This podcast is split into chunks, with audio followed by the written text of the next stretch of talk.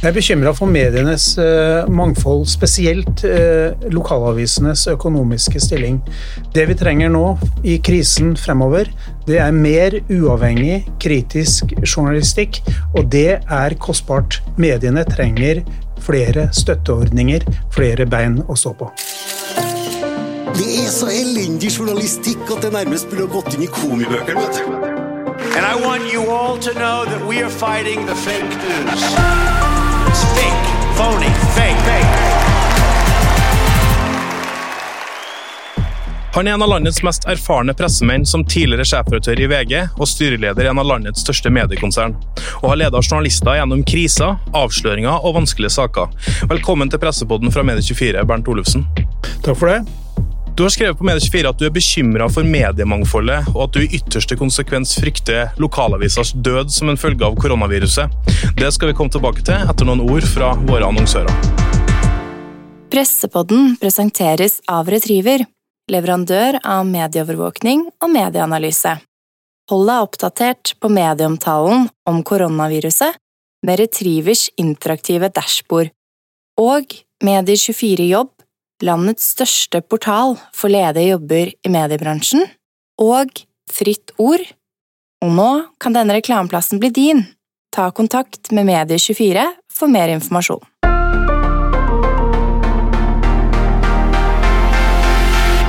Bernt Olesen, først og fremst, hvordan vil du vurdere medienes dekning av koronaepidemien så langt?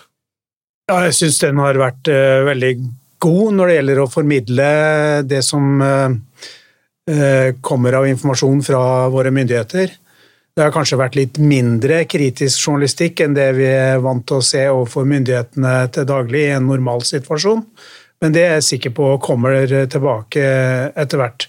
Nå har det jo vært først og fremst et spørsmål om å mette et eh, enormt eh, informasjonsbehov ute blant folk, og jeg syns kvaliteten på det som er levert, har vært gjennomgående svært god. Så har det kanskje heller ikke vært så behov for å finne spesielle vinklinger ute i de forskjellige mediene eh, som det det er ellers. Fordi denne situasjonen har jo vært så dramatisk og så usedvanlig at eh, sakene har jo bydd på seg selv. Er det noen av mediene som har imponert deg eller skuffa deg, noe som på en måte sitter igjen etter disse tre ukene vi har hatt så langt? Først og fremst imponert eh, over de store mediene som NRK og VG, som jo eh, har vært de viktigste informasjonsleverandørene ut det norske folk i, i denne situasjonen. Og de har jo levert et eh, mangfold av saker som er helt hinsides egentlig av hva man kan forvente av produksjon fra mediehus. Så er det nok også sånn at eh, det hersker litt eh, unntakstilstand der ute. Det har ikke vært mange avslørende, kritiske nyheter eh, foreløpig.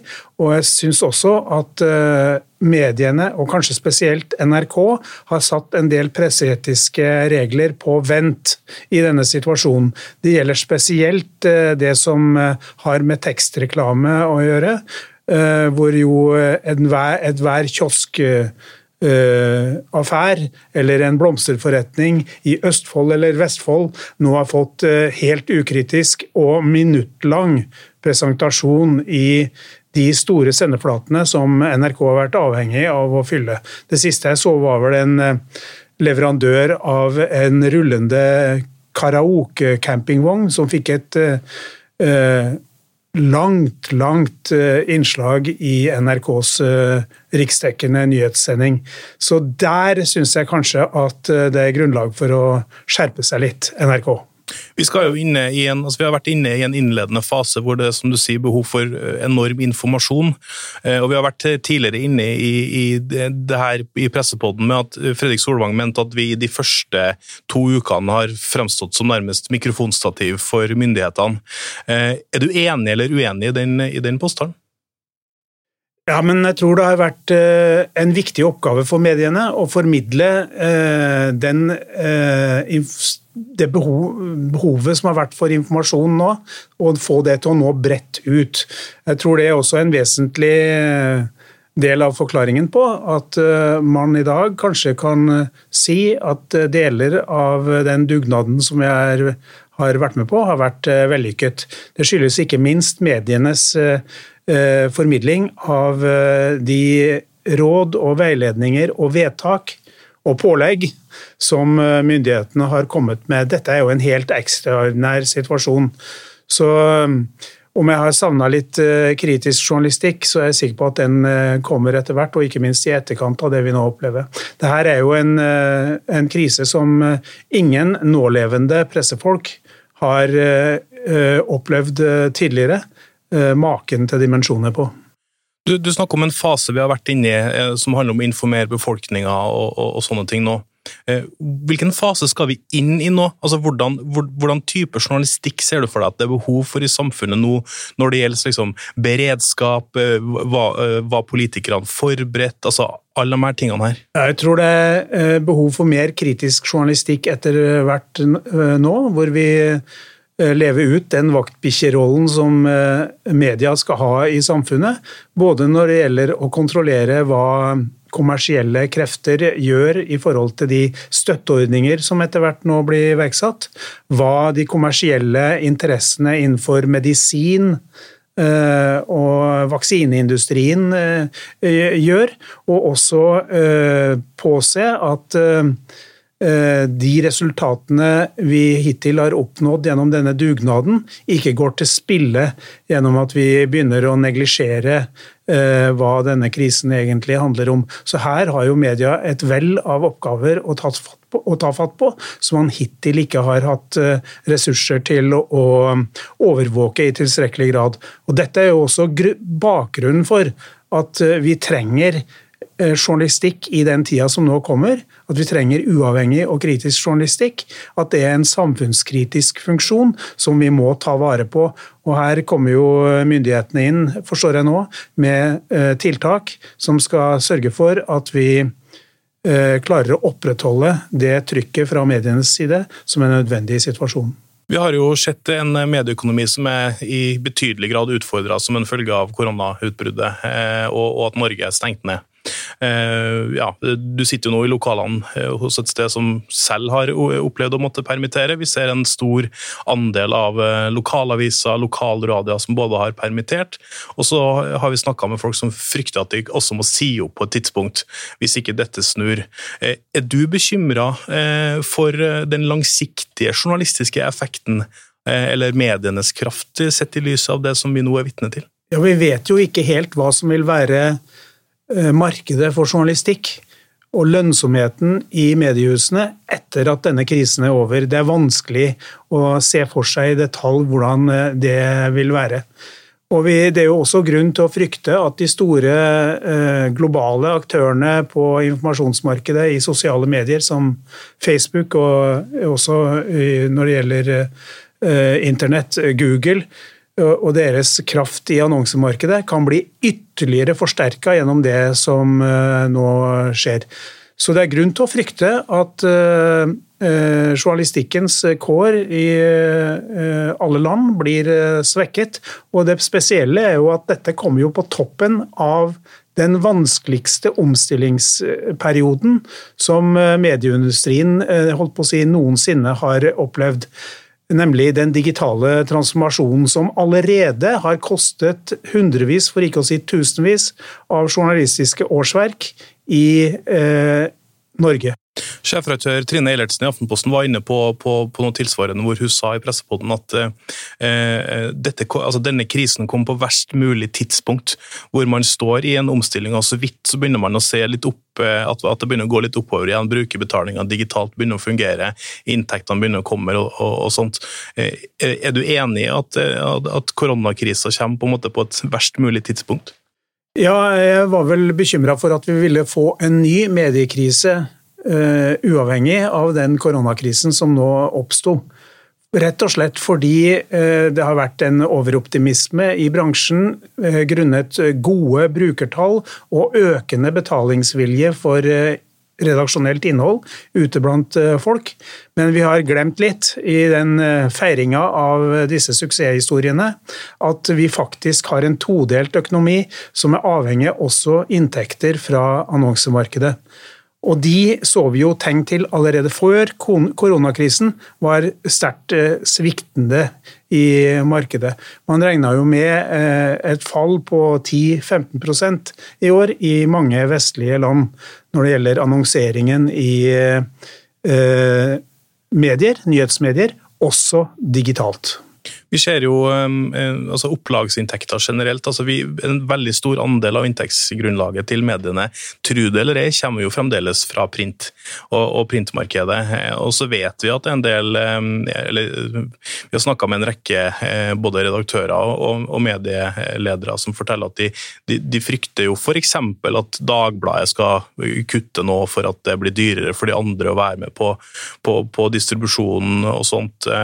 Dagbladet er jo kanskje det papirproduktet som de siste årene har vært mest omdiskutert til å kuttes. Frykter du noen form for dominoeffekt her, at det, kan, at det kan skje noe her, tenker du? Min bekymring er størst for de lokale mediene, som også er svært viktig for eh, vårt eh, demokrati. Og jeg tror at uten inntektene fra print, så ville hundrevis av mediehus i eh, Skandinavia gått over ende. Så er det jo veldig usikkert i dag å spå noe om hvor gode de printinntektene vil bli eh, i, når vi kommer ut av denne krisen. Og kanskje vi har fått et eh, sterkere teknologisk skifte i hele samfunnet. I en kommentar på Medie24 eh, hvor du også har en, har en spalte, så skriver du at 'tenk deg et samfunn helt uten aviser'. Er det, er det mulig, skrev du? Eh, vi har vært litt inne på noe med hvilke konsekvenser kan vi se for oss om koronakrisa skulle strekke ut i tid for, for disse? Nei, jeg syns jo det er spennende egentlig å prøve å sette seg ned og for, og tenke gjennom da, ordentlig. Hvordan eh, det lokaldemokratiet, lokalsamfunnet vårt, eh, ville se ut hvis vi bare hadde liksom Twitter og Facebook og Google og Eh, kanskje noen eh, nettsider fra en kommune å forholde oss eh, til. Det er et ekstremt fattigslig samfunn du da får et bilde av inni hodet ditt. Og jeg tror at konsekvensene for lokaldemokratiet ville vært katastrofalt når det gjelder lokal debatt og meningsbrytning. Eh, det at eh, man får målt konsekvensene av eh, folkevalgtes og maktapparatets vedtak og forordninger. Uten det så, så blir det et veldig merkelig samfunn vi kommer til å bevege oss rundt i. Og faren er jo at koronakrisen, hvis den pågår lenge, og det ikke blir tilstrekkelige støttetiltak fra statens side, er jo at eh, vi vil kunne oppleve den situasjonen mange steder. Man snakker jo i mange land om hvite flekker på kartet, hvor det ikke fins eh, lokale medier som overvåker og dekker det som skjer. Vi ser f.eks. i Sverige, det er mange kommuner hvor det er situasjonen allerede.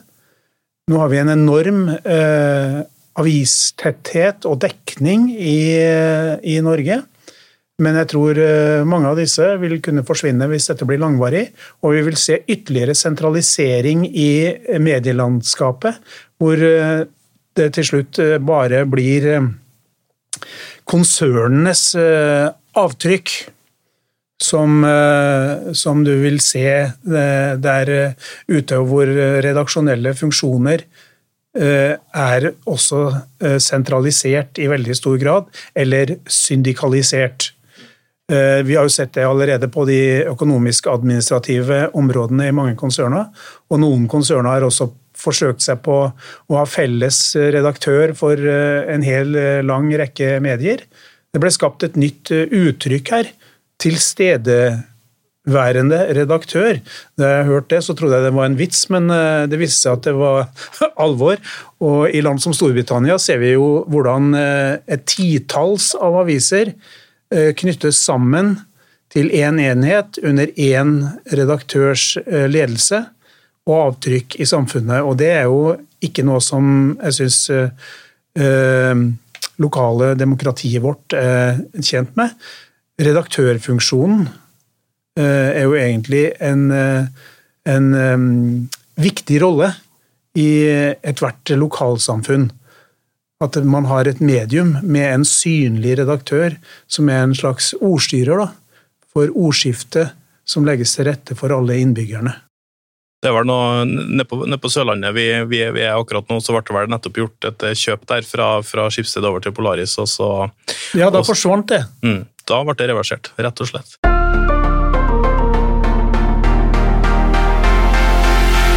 Pressepodden presenteres av Retriever, leverandør av medieovervåkning og medieanalyse. Hold deg oppdatert på medieomtalen om koronaviruset med Retrievers interaktive dashbord. Og Medie24 Jobb, landets største portal for ledige jobber i mediebransjen. Og Fritt Ord. Og nå kan denne reklameplassen bli din. Ta kontakt med Medie24 for mer informasjon.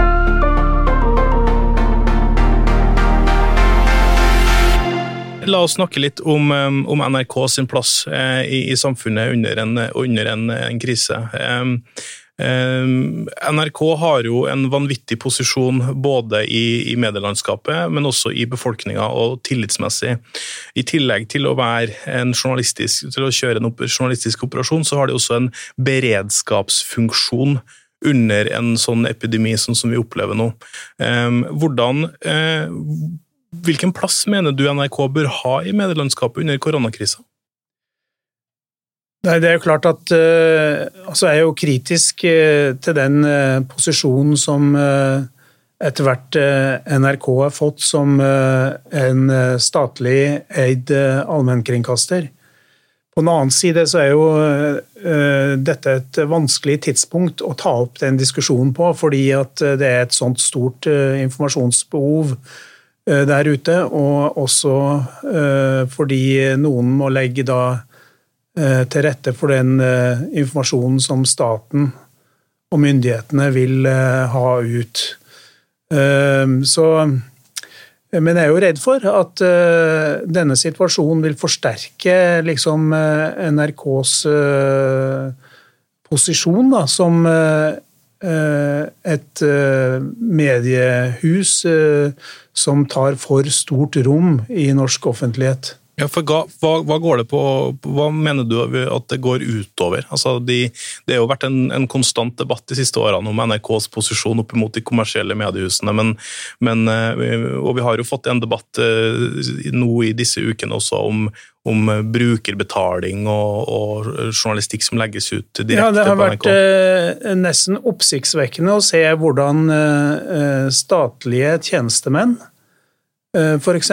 har ytra seg om at informasjonen i kommersielle eh, privateide medier bør være gratis. Så det er så vanvittig tanke ut fra at eh, det må faktisk skapes verdier til for at privat virksomhet eh, skal kunne overleve. Det er en mangel på eh, forståelse for behovet for verdiskapning i offentlig sektor som bekymrer meg. Eh, det kan ikke være andre enn mennesker som har fått lønna seg betalt av staten gjennom hele sitt liv, som har sånne synspunkter. For, for ordens skyld så har jeg selv også ment noe om, om dette og, og, vært i debatt om det, bare så det er klart for presset på dens lyttere der. Eh, men, men, eh, vi ser jo et NRK som definitivt fungerer under en sånn type krise, hvor den tilliten også er helt avgjørende for at man skal nå fram med det budskapet. Er ikke det, er ikke det en stor fordel at vi nettopp har denne allmennkringkasteren som har den solide posisjonen? Det er en eh, fordel, Den største fordelen i et eh, demokratisk samfunn er at vi har et mangfold eh, av medier. Og at eh, de mediene er eh, finansiert til dels av eh, brukerne. NRK kan jo innkassere over 6 milliarder kroner i året uten videre. Og uten de krav til omstilling Eh, og husholdering som eh, preger mediene for øvrig. Og jeg syns jo kanskje at vi ser tegn til at eh, den forskjellen mellom det statlig eide medieopplegget og det private eide blir veldig synlig i tider som dette. La oss snakke litt om hvordan journalistikken kan endre seg som en følge av den totale omfattende krisen som vi nå er inne i. Eh, vi har i en episode av Pressepodden eh, hørt Erik Martinussen, som er journalist i Teknisk Ukeblad og forfatter av boka 'Kampen mot eh, bakteriene'. Han sier i, Pressepodden at nå er det på tide at man får fagmiljøer i redaksjonene som er eksperter på enkelte ting. Også med en henvisning til at, til at f.eks. Aftenposten hadde egne yrkesgrupper som, som jobba opp imot ulike sektorer. og sånt, og Nå ser man en næringslivsredaksjon som består av noen få enkeltmedarbeidere. Eh, tror du at det er på tide med eh, å, få tilbake den faglinja i redaksjonene som, kan, eh, som kjenner overlegene og som kjenner epidemi og, så, og sånt, eller, eller er det en utopisk tanke i 2020? Nei, jeg tror nok at det blir vanskelig å få til det, men jeg ser også behovet for det. Spørsmålet er jo om denne sentraliseringa av journalistikken innenfor konsernene vil by på syndikaliseringsmuligheter som gjør at vi kan få tilbake de sterkt faglig orienterte stemmene i nyhetsjournalistikk. Man kan jo se på alle de pressekonferansene som nå holdes eh, rundt omkring i Norge, eller høre på dem, rettere sagt, og høre på de spørsmålene som journalistene stiller. Eh, er jo noe kritisk til kvaliteten på en del av de spørsmålene. Har du noe eksempel? Nei, jeg har ikke det på stående fot, men eh, det er liksom ikke spørsmål som eh, oser av eh, fagkunnskap om det man eh, spør om. Og det, dermed overlater man jo også mye av arenaen til de som er stilt til veggs for å svare. Jeg tror at på mm, områder som medisin, vitenskap, utdanning, næringsliv, altså økonomi på mange av disse områdene er det behov for mer fagkunnskap i mediene, men eh, den digitale transformasjonen har jo avskaffet mange av de funksjonene. Og i stor grad er jo redaksjonene da blitt bemannet av eh, eh, folk som skal kunne litt om alt. Allrounderne, rett og slett. Ja. Mm. Ja. Du ser jo en fagpresse som bestående av tidsskrifter, eh, sykepleien f.eks., altså Dagens Medisin, du har ulike sektorer. Også, og, og nisjene vokser jo i betydelig grad digitalt. Også vi har jo sett de siste ukene rapporterte tall fra flere av de nettavisene som sier at de, de nye lesere strømmer til for å få kvalitetssikra informasjon. Um, hva bør det si? Altså, på hvilken måte bør vi ta til oss det i kan du allmennmedia? Problem, altså, det er jo mye bra som skjer i fagpressen. Fagpressen er jo blitt eh, mye mer eh, uavhengig og profesjonalisert de senere år. Men fortsatt er det jo sånn at eierskapet til mange eh, fagpressemedier er jo eh, styrt av interesseorganisasjonene og deres agenda. Ja, Fagforeningene og ja. sånne ting. Mm. Og Det er jo problematisk. Så jeg tror ikke vi kan overlate behovet for uavhengig journalistikk til fagpressen alene innenfor alle disse spesielle områdene. Jeg vil spørre deg om eh, tabloidjournalistikken i en krisetid. Eh, Bernt, fordi Du skrev i Medie24 at virkelighetsskildringa er så kraftfull og omskiftelig at det ikke finnes rom for klikkjag og tabloide vinklinger. Hva mente du med det? Jeg mener at uh, den streite nyhetsformidlinga i den fasen vi har vært gjennom nå noen uker, den har i seg selv vært så dramatisk og oppskakende og opprørende og debattvekkende ute blant folk at det å vekke Altså ty til spesielle virkemidler, vinklinger, for å vekke interesse, rett og slett. Behovet for det har nærmest ikke vært til stede. Har du sett noen eksempler på det? Nei, få. Mm.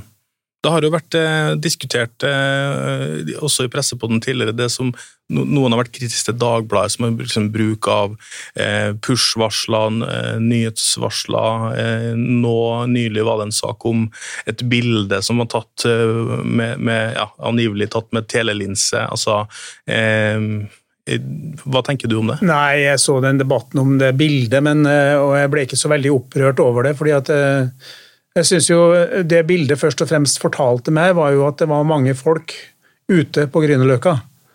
Altså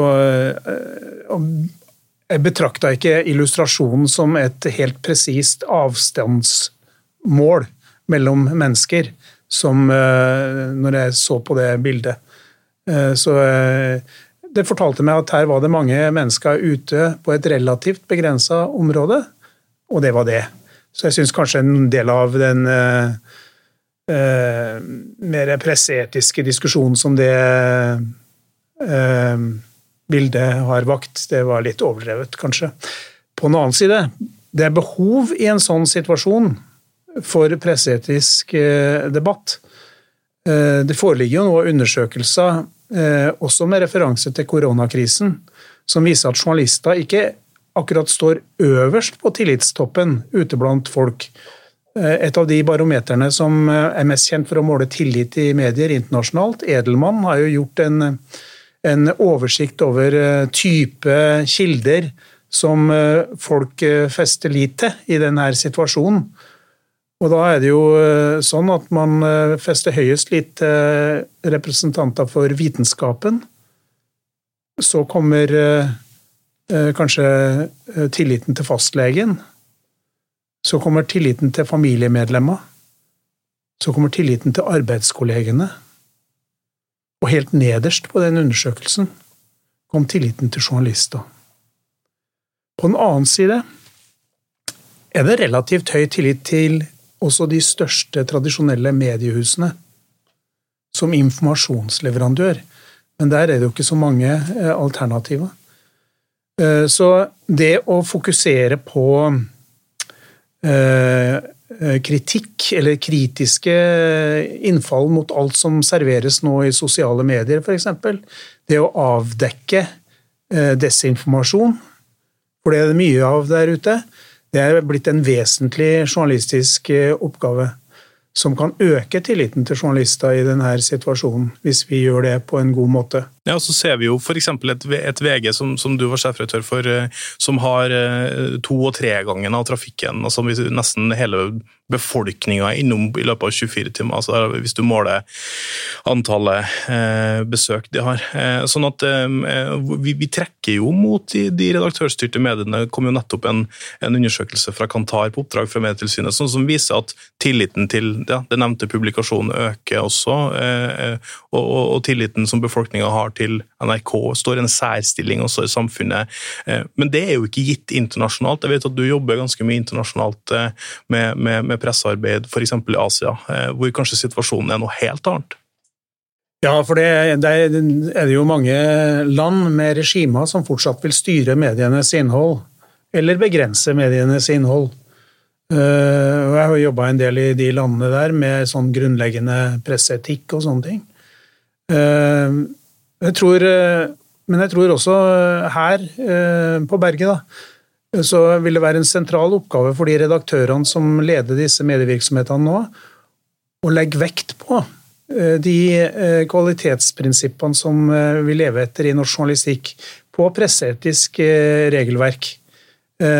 Fordi en sånn krise som den vi opplever nå, den inviterer også en del til at man kan hoppe bukk over de prinsippene. Eh, og det er ved å holde de prinsippene i hevd at vi også opprettholder tilliten til mediene i en vanskelig situasjon. Så eh, det er faktisk noe som jeg vil rå redaktører til å legge ekstra stor vekt på i den eh, situasjonen som vi har nå. Det er noe av det viktigste de kan gjøre. Det finnes jo sikkert nok av kreativitet og nok av oppgaver å ta fatt på i redaksjonene, så redaktøren trenger jo ikke å gå rundt og si til alle medarbeidere hva de skal gjøre. Mye av dette gir seg sjøl i kontakten med omverdenen og gjennom de diskusjonene man har på gulvet i redaksjonene. Men det å holde i hevd disse helt grunnleggende prinsippene, det er en vesentlig redaktøroppgave. Eh, du er litt innom eh, redaktøroppgaven, og da er det naturlig overgang til å snakke litt om ledelse eh, og redaksjonsledelse.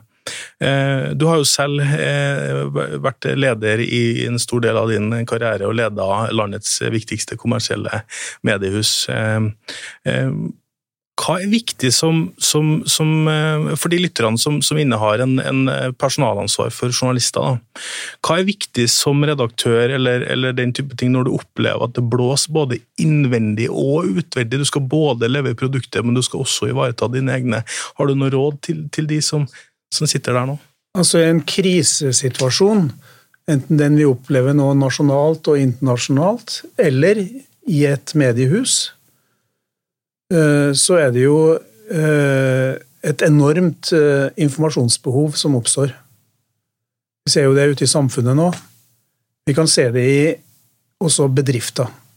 Som, det vil jo være et nærmest umettelig behov for informasjon til medarbeidere om hvordan mediehuset klarer seg i en sånn situasjon, hva som er de store utfordringene.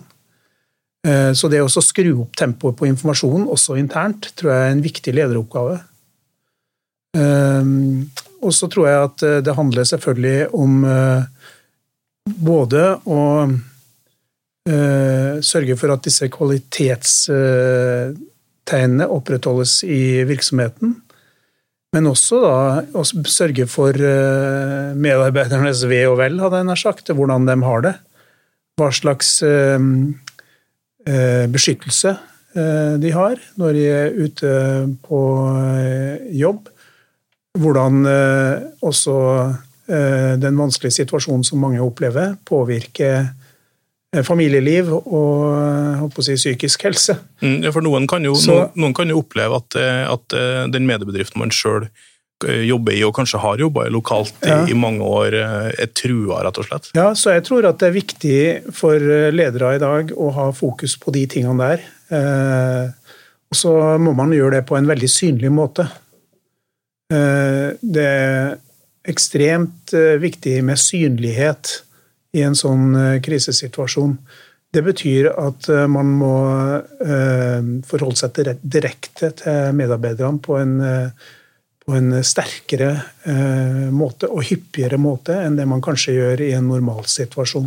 Kan, kan du dra fram noen eksempler fra din karriere hvor du liksom har tenkt at nå trenger jeg å, uh, nå trenger jeg å være kriseleder, eller nå trenger jeg på en måte å, å bruke disse verktøyene selv? Det er klart at uh, VG var jo en veldig vellykka virksomhet i mange år, men i 2007, når uh, den digitale transformasjonen og uroen i markedene, annonsemarkedet, printavisens fall, meldte seg for alvor. Og vi ble nødt til å kutte staben i VG med 25% på ett år. Så var jo det en eh, nærmest kriselignende og dramatisk situasjon i et mediehus med nesten 500 ansatte.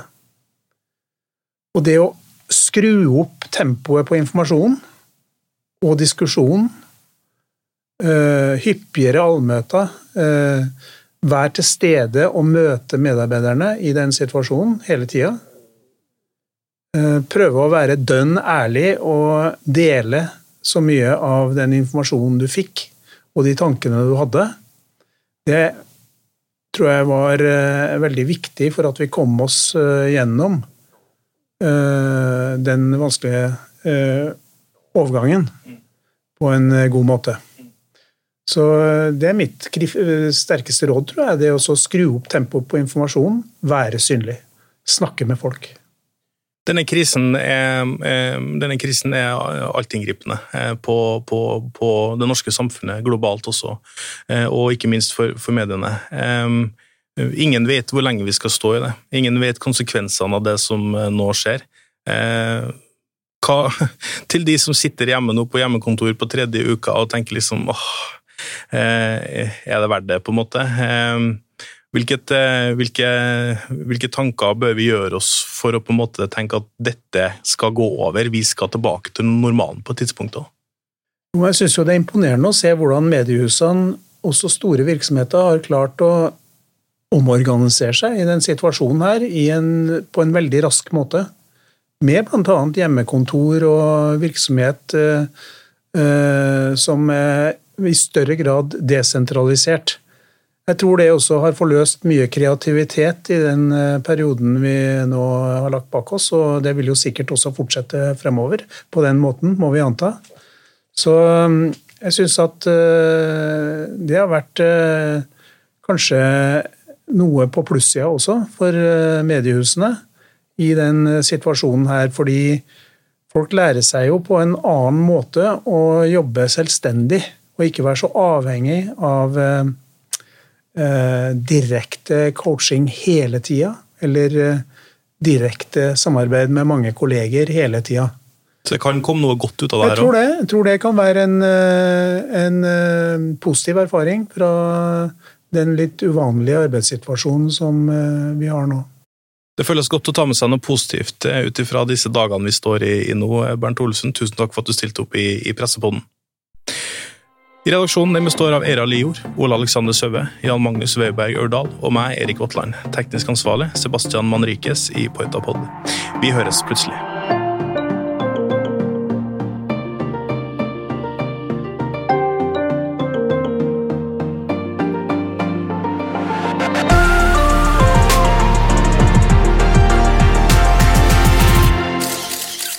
Pressepodden presenteres av Retriever leverandør av medieovervåkning og medieanalyse. Hold deg oppdatert på medieomtalen om koronaviruset med Retrivers interaktive dashbord og Medier24 Jobb, landets største portal for ledige jobber i mediebransjen, og Fritt Ord. Og nå kan denne reklameplassen bli din. Ta kontakt med Medie24 for mer informasjon.